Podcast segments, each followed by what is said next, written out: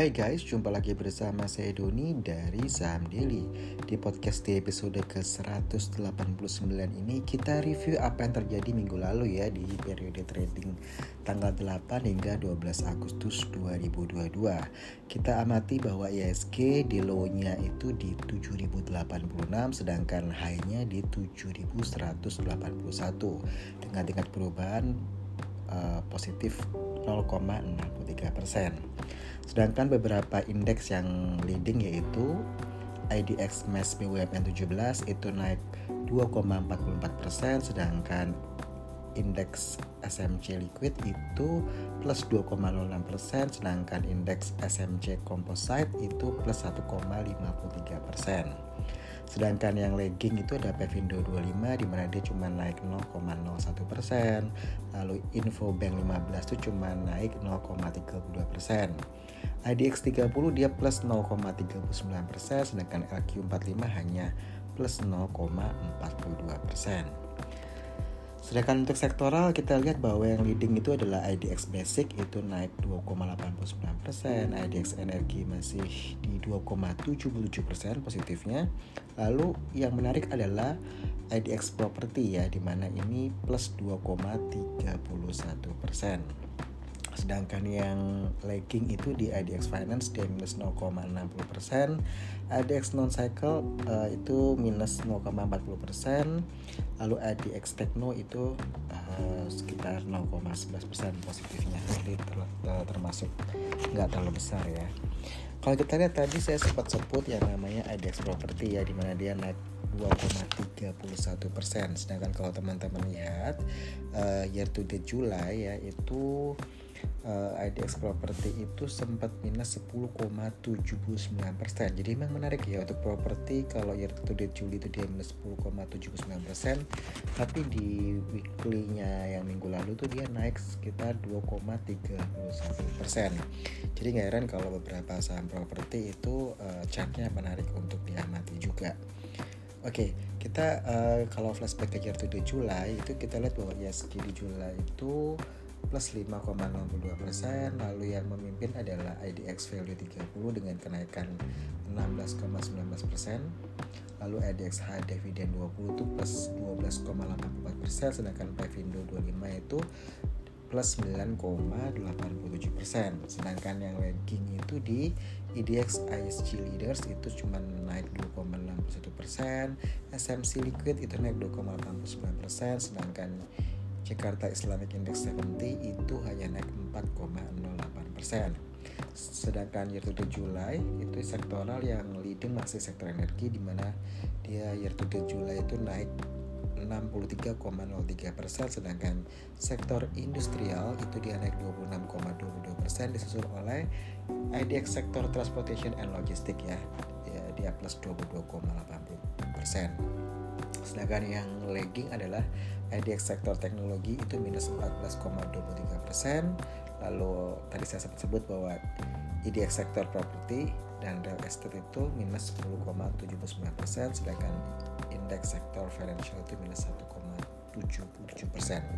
Nah kembali ke IDX sektor properties yang year to date Juli itu minus 10 persen tapi di last week itu dia positif 2,31 persen. Memang kalau kita baca update dari misalkan saham Sumarekon ya PT Sumarekon Agung Tbk SMRA ini dia di semester 1 2022 meraih pendapatan bersih sebesar 2,72 triliun naik 10,99 persen dibandingkan dengan periode yang sama tahun lalu sebesar 2,45 triliun. Sedangkan laba periode berjalan yang dapat diatribusikan kepada pemilik entitas induk itu naik 134,56 persen menjadi 254,6 miliar dari posisi sebelumnya yaitu 108,50 24 miliar rupiah. Pendapatan SMRA ini banyak disokong oleh recurring income atau pendapatan berulang dengan kenaikan 45,92% menjadi 681,76 miliar rupiah dari sebelumnya di 467,21 miliar rupiah. Sedangkan marketing sales, marketing sales ini maksudnya pra penjualan ya. Di mana uh, marketing salesnya menjadi 2,73 triliun di akhir Juli 2022 artinya sudah mencapai 54,6% dari target yang ingin dicapai di 2022 yaitu 5 triliun. Optimisme bisa mencapai target 5 triliun ini didukung dengan peluncuran proyek baru yaitu Sumarekon Bogor dan Crown Gading dengan target pra penjualan di 1,76 triliun SMR, SMRA ini menyediakan capex ya senilai 600 miliar untuk akuisisi lahan dan keperluan properti investasi. Selain SMRA kita juga ada update untuk uh, Bumi Serpong dan uh, Bumi Serpong Damai dengan kode emitennya BSDE di mana mereka meraih marketing sales sebesar 4,7 triliun di semester 1 2022. Jadi memang ini uh, BSDE selaku kelompok dari properti Sinar Maslen ini berhasil mengamankan 61% target marketing sales tahun 2022. Adapun target pra penjualan dari BSDE tahun 2022 itu harusnya mencapai 7,7 triliun. Jadi memang luar biasa ya, udah melebihi 50% dari targetnya dan memang uh, marketing sales ini mereka bisa meraih 61% dari target ditopang oleh penjualan produk residensial jadi ini lumayan bagus ya untuk dari BSDE uh, produk-produk residensial yang diminati pembeli terutama itu The Blissfield uh, Breezy House lalu ada Askara New ada Tanah Kayu Jiva ya. Lalu ada Kiyomi dan Kanade Zora itu untuk yang segmen atas untuk apartemen ya uh, lalu untuk sorry bukan apartemen tapi untuk rumah tapak ya Lalu ada Laurel dan Marigold Nava Park itu pasar segmen premium serta ruko di kawasan bisnis BSD City seperti Northridge dan Latinos Business District. Di luar BSD City ada beberapa produk di kawasan Jabodetabek lainnya yang menarik uh, untuk dibeli ya yaitu Grand Wisata uh, ini yang New, West, New Westfield dan Z, uh, Z Living dan kota wisata Mississippi Nashville jadi memang untuk dari PSD ini kita lihat bahwa mereka cukup bagus ya uh, kinerjanya karena uh, secara laporan keuangan juga di semester 1 2022 ini BSDE melaporkan pendapatan usaha mereka sebesar 3,83 triliun di mana pendapatan ini naik 17,87% secara year on year dibandingkan pendapatan tahun lalu yang sebesar 3,25 triliun. Lalu kita bisa lihat lagi untuk labanya sendiri dia laba bersihnya BSDE di semester 1 2022 ini turun 31,81% dari semester pertama tahun lalu 680 miliar rupiah. Jadi laba bersihnya mereka itu di semester 1 2022 itu sebesar 463,64 miliar ya. Jadi dia turun 31,81 persen dibandingkan dengan periode yang sama tahun lalu di 680 miliar. Lalu kita ada update juga mengenai Pakuan ya, di mana uh, Pakuan Jati dengan kode emiten PWON ini meraih marketing sales sebesar 800 miliar di semester 1 2022. Jadi memang kalau kita lihat uh, marketing sales yang cetak Pakuan itu meliputi landed house sebesar 52%, lalu kondominium 41%, perkantoran 7% di semester di semester 1 2022 Pakuan ini berhasil mencetak pertumbuhan pendapatan bersih di mana naik 11,8% menjadi 2,75 triliun dari semula 2,46 triliun pada periode yang sama tahun sebelumnya. Jadi memang recurring revenue Pakuan ini di 6 bulan pertama tahun 2022 ini mencapai 1,78 triliun atau tumbuh 34,1 persen dibandingkan tahun 2021 yang sebesar 1,32 triliun. Jadi memang kita suka pakuan ya karena kalau ppkm udah uh, longgar begini ya di mana orang bisa bebas beraktivitas, bisa ke mall. Nah ini memang yang kita lihat adalah recurring revenue dari pakuan gitu. Di mana memang pertumbuhan ini terutama didukung oleh pendapatan retail mall sebanyak 1,25 triliun serta pendapatan hotel sebesar 346 miliar yang tumbuh secara signifikan sebesar 97,5 persen dibandingkan periode yang sama tahun sebelumnya senilai 175 miliar. Jadi kalau kita lihat untuk sebentar update-nya lagi laba komprehensif tercatat sebesar 861 miliar naik 63,4 persen dari tahun lalu yaitu sebesar 527 miliar. Nah terkait capex di tahun 2022 eh, penggunaan capex ini telah dikeluarkan sebesar 286 miliar ya di mana uh, capex ini digunakan untuk membiayai proyek konstruksi Pakuan Mall Bekasi dan juga renovasi mall serta pembelian tanah. Jadi memang tadi kita sebutkan ada SMRA, BSDE, Pakuan itu memang uh, mereka punya kinerja di semester 1 2022 itu bagus ya, terutama dari marketing salesnya mereka. Oke, semoga ini dapat gambaran ya untuk teman-teman karena melihat dari IDX property yang naik 2,31 persen. Cuman yang harus dilihat bahwa memang properti even kayak konstruksi pun kita lihat akhir-akhir ini chartnya udah bagus ya, lumayan bagus tapi mereka suka uh, baperan gitu. Jadi jangan sampai nanti kita digantung ya.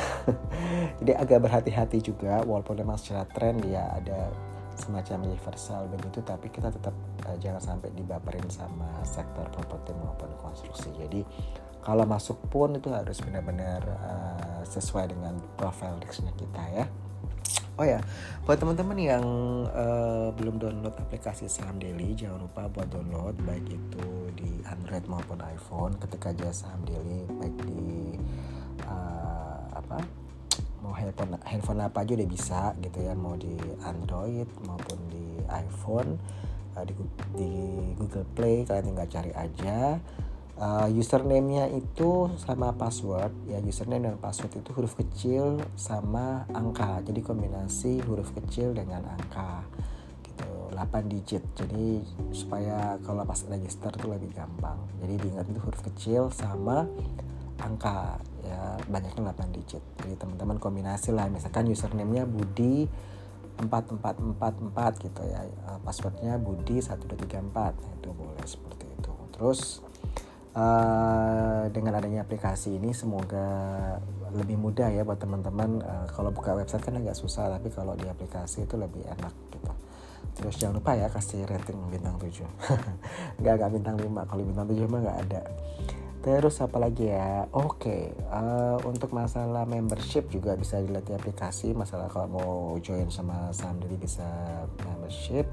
Subscribe aja. Terus ini yang banyak tanya sama teman-teman kenapa aku nggak ada clubhouse lagi ya? Jadi untuk sementara kita berhenti clubhouse sampai awal September. Jadi udah mulai training-training jadi agak uh, sibuk.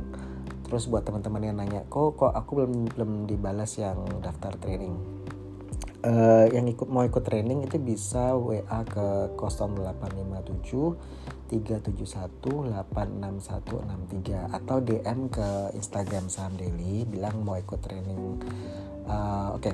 Jadi karena ini kan sudah nggak ppkm ya jadi kita udah mulai kasih training kasih training. Tapi kalau misalkan mau training sama aku langsung itu uh, yang di luar kota mungkin lewat zoom. Tapi kita batasin cuman tiga orang. Jadi sekali zoom itu trainingnya cuma tiga orang. Jadi uh, terus kalau yang lokasinya bisa ketemuan itu one on one training. Dan maksimal cuma dua orang. Jadi kita udah mulai one on one training. Uh, nanti teman-teman tinggal ini aja nama terus uh, emailnya apa uh, WA ke admin atau DM ke admin. Jadi misalnya kalau kalian DM-nya ke DM ke Instagram ya kan kasih nomor HP kalian email uh, sama nama gitu. Jadi nanti kalau lewat zoom itu maksimal tiga orang sekali sesi. Jadi nggak akan banyak-banyak karena kita mau lebih fokus gitu. Jadi sekarang uh, lagi nggak clubhouse juga karena emang ngebersihin yang negatif-negatif jadi kita uh, dari Instagram pun kita bersihin ya. Jadi banyak yang kita uh, delete delete yang follow kita. Jadi banyak kita blok juga yang haters ya. Jadi kita lagi proses uh, bersih bersih juga. Jadi sementara uh, karena fokus ke training terus mulai ke podcast udah mulai uh,